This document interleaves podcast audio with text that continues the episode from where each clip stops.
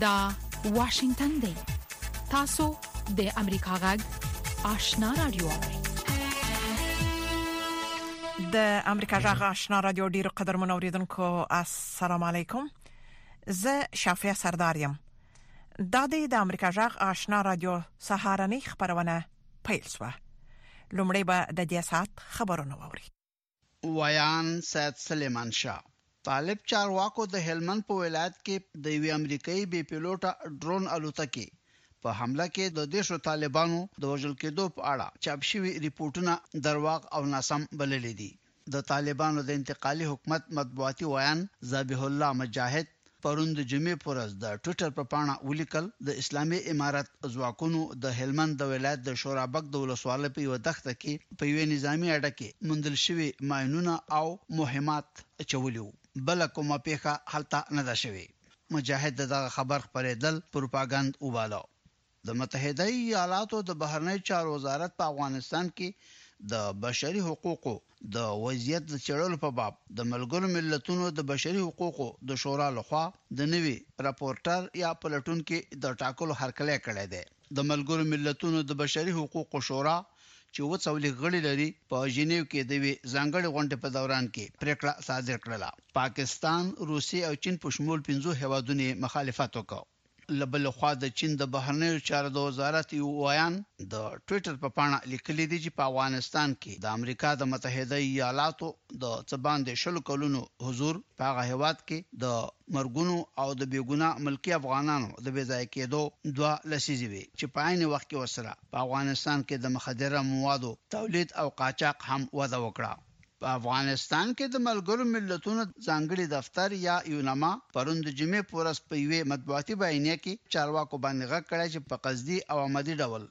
د ژورنالیستانو او خبریالانو نیول او په خفیه ډول یې په توقیف کې ساتل پای ته ورسوي. د افغانستان د ژورنالیستانو د مصئونیت کمېټه وايي چې چارواکو یې د غور په ولایت کې استازی له یو بل ژورنالیست سره یو ځای نیولی دی. طالبانو د لس ورځو توقیف نه وروسته ژورنالست بسم الله وطن دوست خوشې کړ.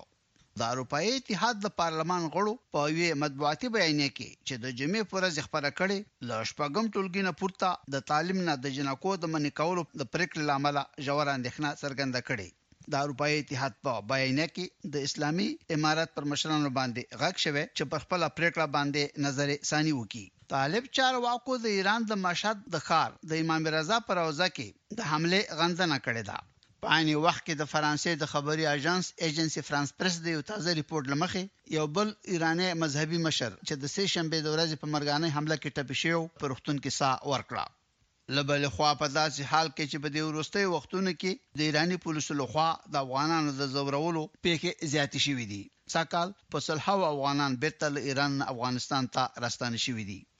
د افغانستان او نړۍ خبرونه د امریکا غږ واشنګټن نه اورئ. د جرمني جمهور رئیس فرانک والټر سټینمایر د جمعې په ورځ د ډیر شپیګل له مجلې سره د یوې ځانګړې مرکې په لړ کې وړاندیز کړی دی چې په یوکراین کې د جنګي جرمونو له امله دې د روسیې د جمهور رئیس ولادیمیر پوتین او د روسیې د بهرنیو چارو د وزیر سرګي لاوروف د محاکمې په منظور یو ټرایبیونل یا اختصاصي محکمه جوړه شي. د خبري رپوټونو له مخې د یوکراین د ختیځې سیمې ډونیسک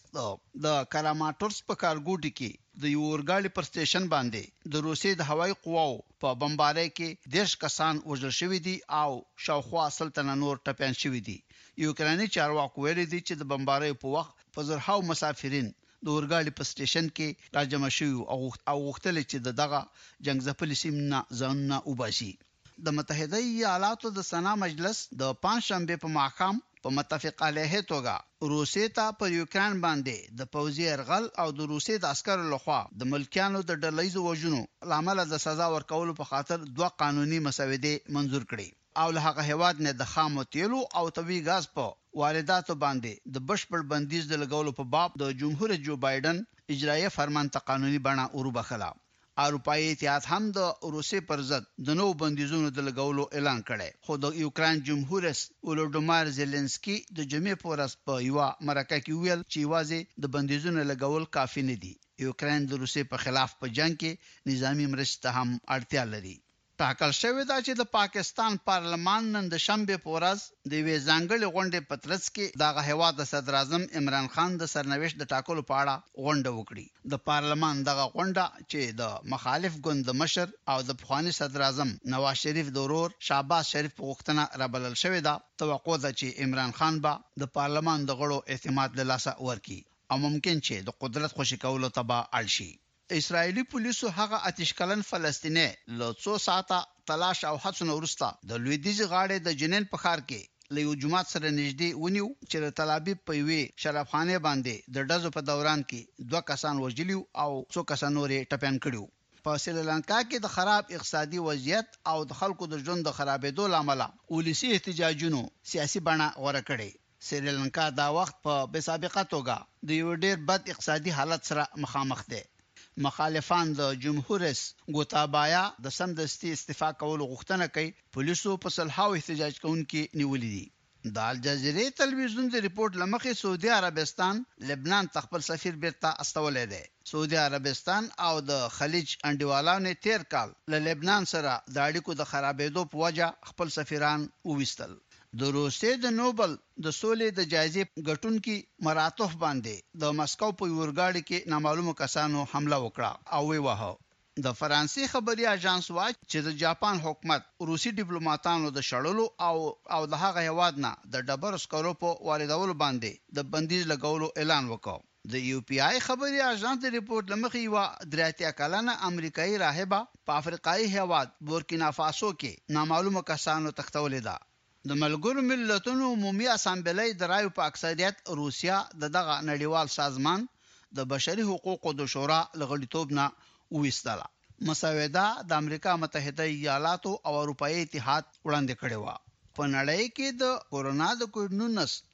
وبايي ناروغۍ د اوميکران د يوې نوې نوعې، BA صفر دوه، د خپرېدو له امله ګڼ شمېر هېوادونه عاجلو اقداماتو ته اړ شوي دي. څو نور لنډ او تازه خبرونه.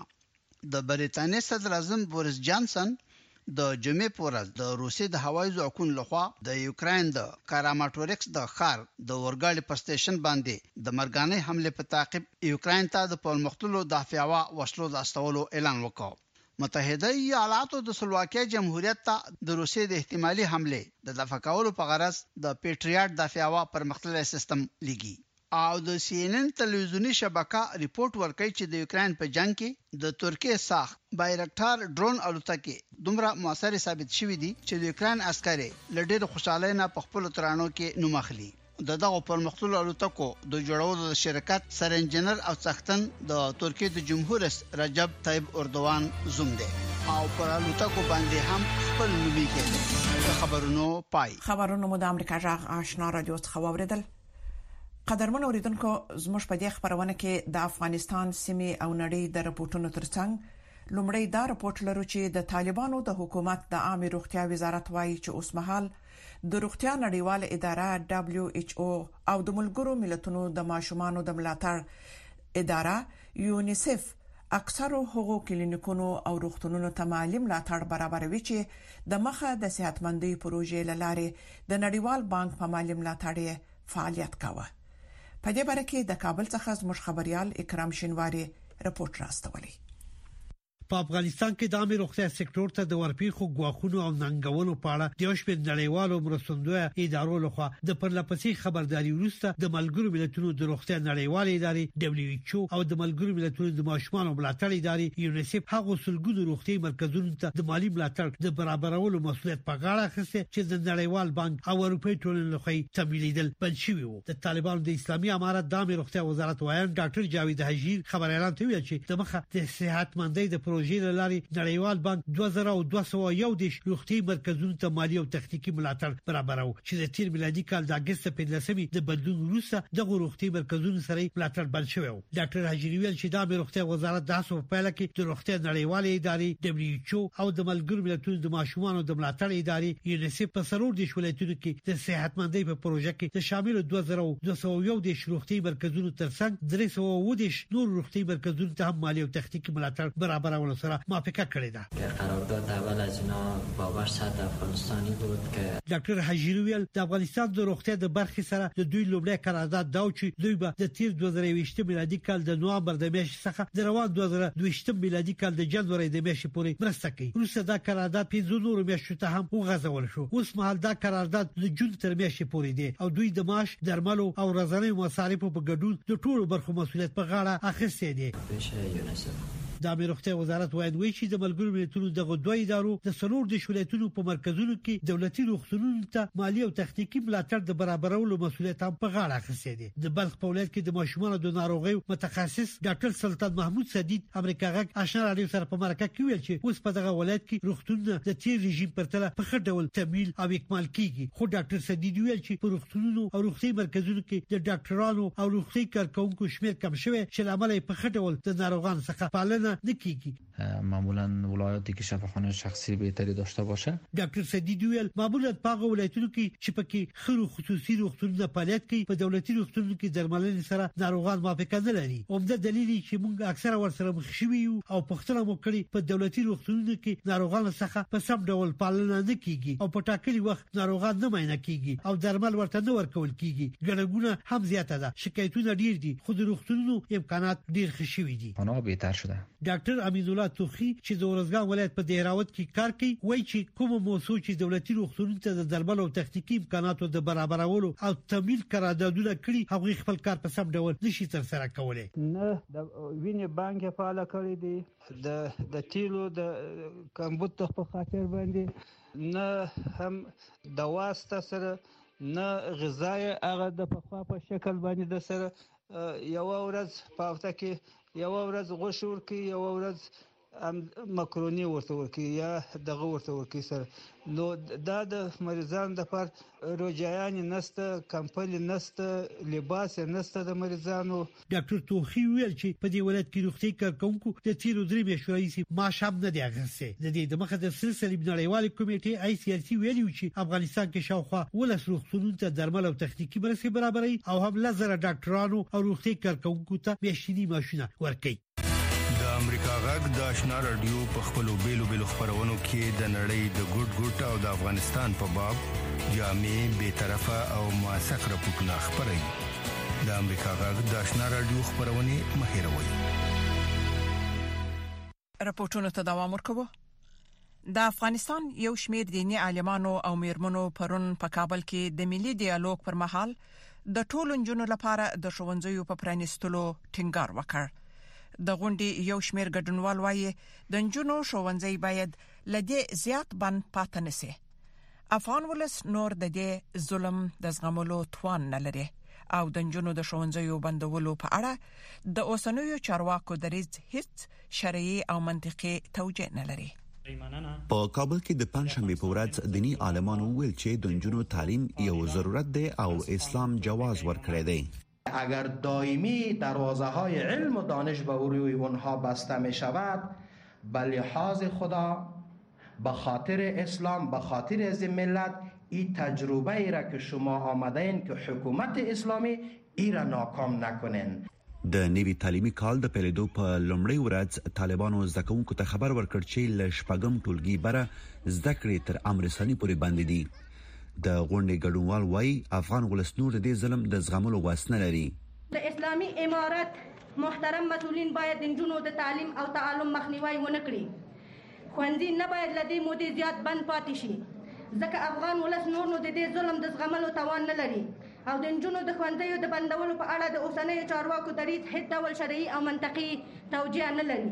نن چې زما په تن دا حجاب دی دا حجاب خو زه د امارت د ډاره نه نه په تنګ کوم دا حجاب زما فریضه ده زما وجیبه ده زه په دې پوهیږم چې د لمانځه ترڅنګ په ما حجاب هم فرض دی اسلامي ټولنه وړاندې له امارته یو مسلمانه ټولنه وه صحیح چې بعضې مشکلات شته خو هغه استثناءات مونږ د یو څو استثناء لپاره مونږ مکمل خونځي د ټولو ولایاتو تړل د هیڅ یو منطقي لار نه ده دینی عالمان وایي اسلام ټولو خځو او نارینه ته د ژوند په ټولو برخو کې د سیاسي، اقتصادي، فکری او عقیدتي ازادیو اجازه ورکړي او په خبره هیڅ چاته باید اجازه ورنکړ شي چې پر افغانانو ظلم وکړي. وقتی که ما یک یک خواخر خواهر خود با حجاب اسلامی با اخلاق اسلامی بر مراکز اسلامی که استادم اسلامی است شاگردم اسلامی است و مراکزم الحمدلله بیمه شدگی است که در اونجا هیچ کسی راه نخواهد یافت که چشم چرانی کنه اونجا کسی راه نخواهد یافت که خدا نکنه یک استفاده بد اخلاقی بکنه در اینجا شریعت و دین و فقها ما را از دوش تعلیم و تعلم طبقه خواهران ما باز نمیدارد چارواکي وايي، په افغانستان کې د نجونو پر مخ د ښوونځیو بندېدل افغان ټولنې ته لوی زیان رسوي. د ښځو د کار او تعلیم د مخنیوي لامل هر څه چې وي، نه جبران کېدونکې پایلې به ولري، لکه د ټولنې نیمايي وجود به فلج شي او پر پاتې وجود به تل پېټی وي. په ټولنه کې به د پوهې او د پرمختګ کجه کچه ډېره راوغورځي. د طالبانو له خوا له شپږم ټولګي بره د نجونو د ښوونځيو بندولو پرېکړه په کور دننه او بهر په کلکه غندل شوې ده، خو د ملي او نړيوالو غبرګونونو سره سره طالبانو خپله پرېکړه لا بدله کړې نه ده. وحيدالله فيضي، امريکا غږ، واشنګټن.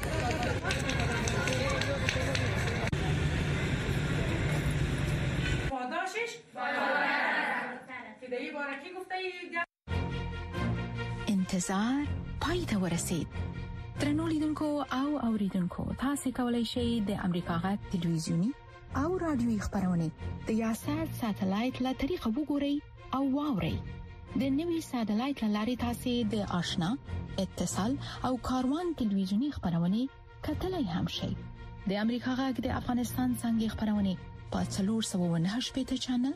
او د آشنا رادیوي خبرونه په 309 پټ چنل کې اوریدلای شئ لملتيامو د تل پشان مننه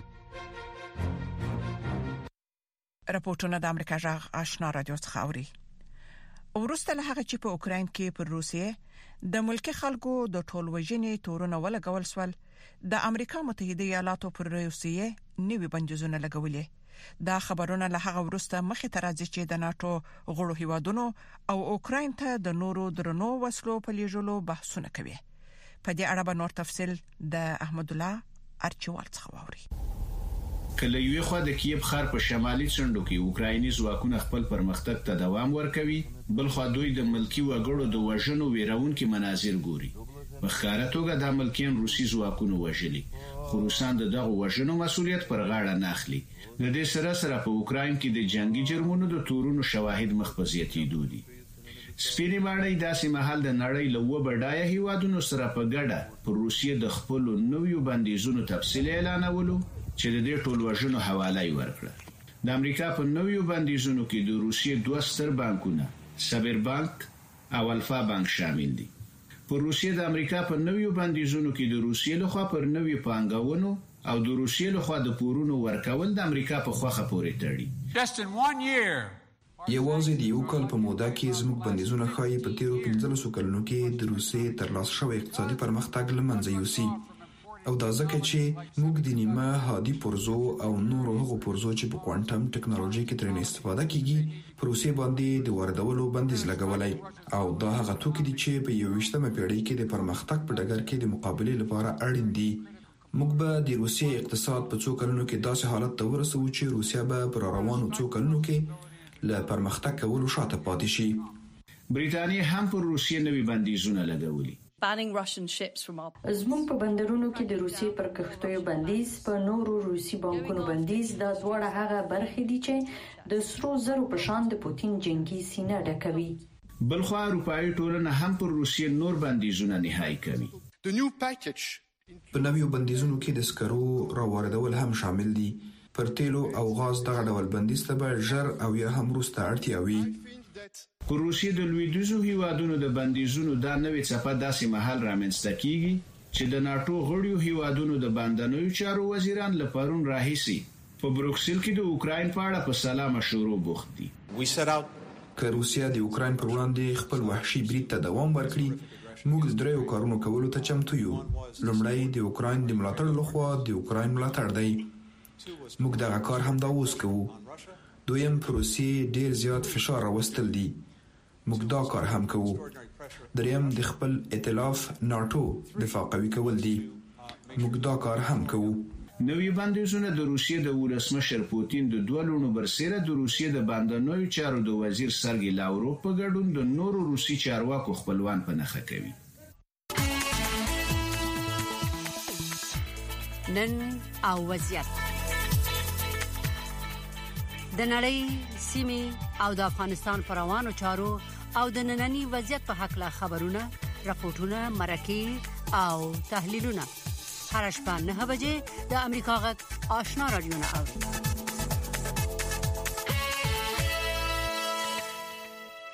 درنولیدونکو په پاکستان کې د عمران خان د صدارت پر سر د روانو سیاسي لانجو په اړه ستري محکمې تر اوسه کومه پریکړه نه ده کړې د پاکستان حالات پر افغانستان څه اغیز کولای شي ځینې کارپوهان وایي چې پاکستان په پا افغانستان کې ځان دومره ښکیل کړی چې اوس یې له اغیزو نسی وتلی نور حال پر پورت کې ووري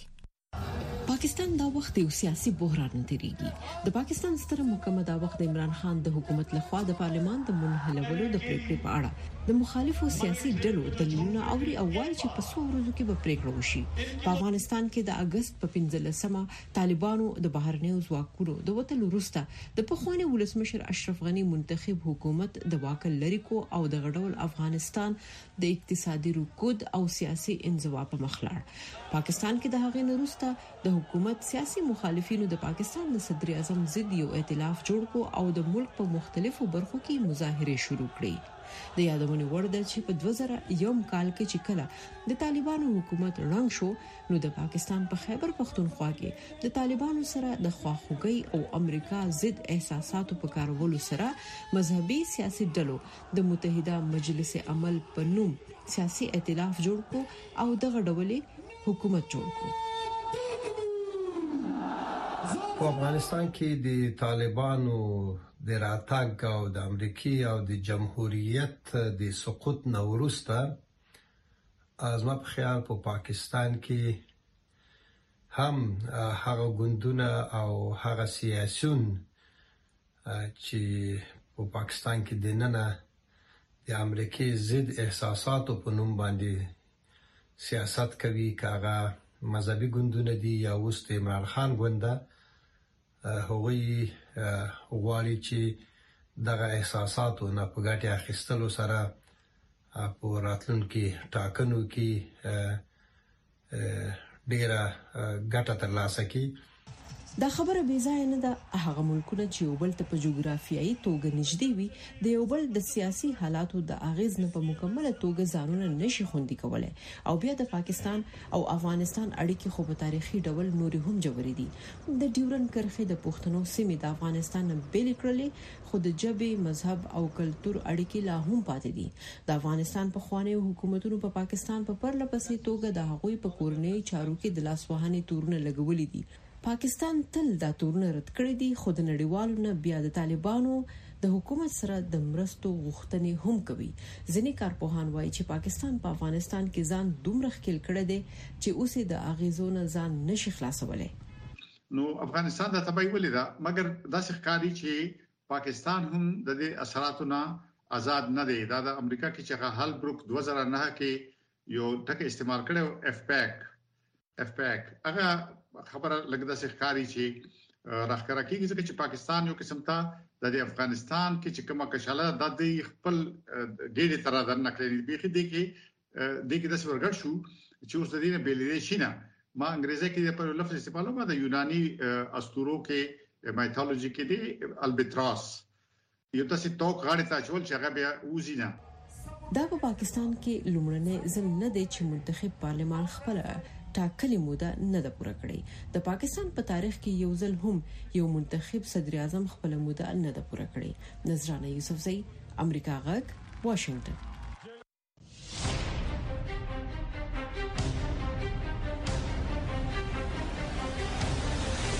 اتصال زموږ او تاسو پیوستون خبرونه چیرنې او خبرګونونه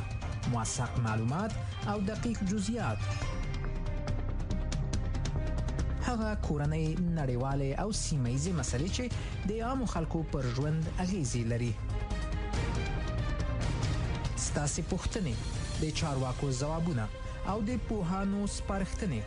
له یک شنبه تر پنځ شنبه د ماښام پر 15 بجو او 10 دقیقو له واشنگټن څخه پر ژوندې بڼه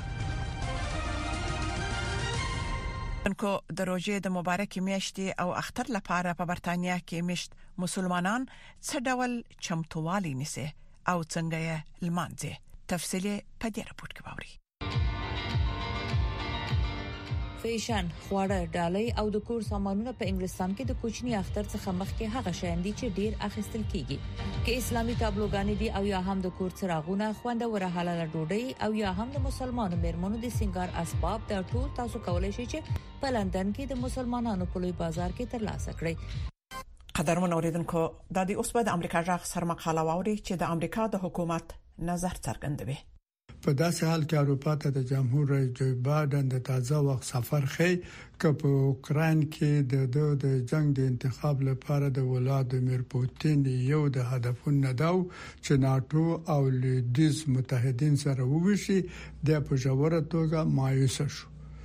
جمهور رئیس بایډن نن په بروکسل کې د ائتلاف د غونډې نه وروسته چې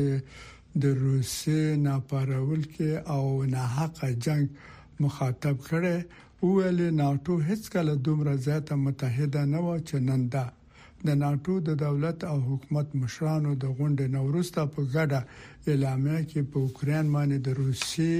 په یرغل په خپله غندنه ټینګار وکړ چې دوی ویل بینالمللي امنیت او نړیوال نظم ګواښي. یادو مشرانو په کرملین باندې غږ وکړ چې سمدستي اوربند عملي کړي او د اوکراین سره په جدي خبرو بوخت شي. دوی د اوکراین د ملي حاکمیت او ځمکني تمامیت لپاره په خپل ملاتړ ټینګار وکړ. د ایتلاف مشرانو ژمنه وکړه چې پر روسیې باندې منظم بین المللي فشار راوړي او د واشنګټن د تړون د پنځمې ماده په اړه خپل کلکه ژمنه څرګنده کړه او دوی د ناتو په ختیځه خوا کې د 40000 عسکرو ځای په ځای کولو همدغه راز بلغاریا، هنګري، رومانیا او سلوواکیا کې څلور اضافي څو ملتي جنګي ډلو ځای په ځای کولو ته اشاره وکړه چې ختیځه جبهه قوي کړي. دوی لیکي، موږ ټول اقدامات او پرېکړې کوو چې د ټولو متحدینو په ټولو قلمرونو کې د امنیت او دفاع ډاډ ورکړو. جمهور رئیس بایډن وویل، پوتین د هغه څه کټ مټ ضد لاسته راوړي چې ده په نظر کې لرل چې اوکراین ته د تللو په نتیجه کې یې لاسته راوړي عین اتحاد او ارتباط څرګندوو کله چې جمهور رئیس بایډن د جي اوو هېوادونو او د اروپايي شورا د مشرانو سره ملاقات وکړ د جي اوو هېوادونو موافقه وکړه هغه جدي بندیزونه په بشپړ توګه عملي کوي چې دوی په روسیې باندې لګولي دي. دوی په ګډه اعلامیه کې وعده وکړه چې د ضرورت په صورت کې اضافي اقدامات کوي، په اتحاد سره اقداماتو کولو ته دوام ورکوو او موږ یې په همدې ډول کوو. دوی هم موافقه وکړه چې اوکراین او ګاونډي ملکونو ته بشري مرستې چټکوو. د اروپايي اتحادیې مشرانو سره د خبرو نه وروسته جمهور رئیس بایډن او د اروپايي کمیسیون رئیس یورسولا اون دیر لیدن یو ابتکار اعلان کړ چې د روسي فوسل سونګ موادو باندې تکیه کمه کړي او د نوي انرژۍ موجودیت او استعمال زیات کړي. جمهور رئیس بایډن په وارسا کې هغه نتیجې خلاصه کړې چې پوتین یې هیڅکله اراده نه وه کړې کله چې ده په اوکراین باندې حمله کوله. د نړۍ ډیموکراسي په دې مقصد سره عصري شوې او په میاشتو کې اتحاد پیدا شو چې موږ یو ځل کلونه نیول چې بشپړې کړو او سرته ورسوو. موږ باید اوس ژمنه وکړو چې د وګړو تغیر لپاره په دې مبارزه کې پاتې شو موږ باید د نن سبا بل ورځ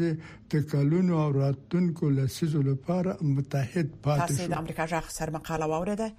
چې د امریکا د حکومت رسمي نظر څرګند کړ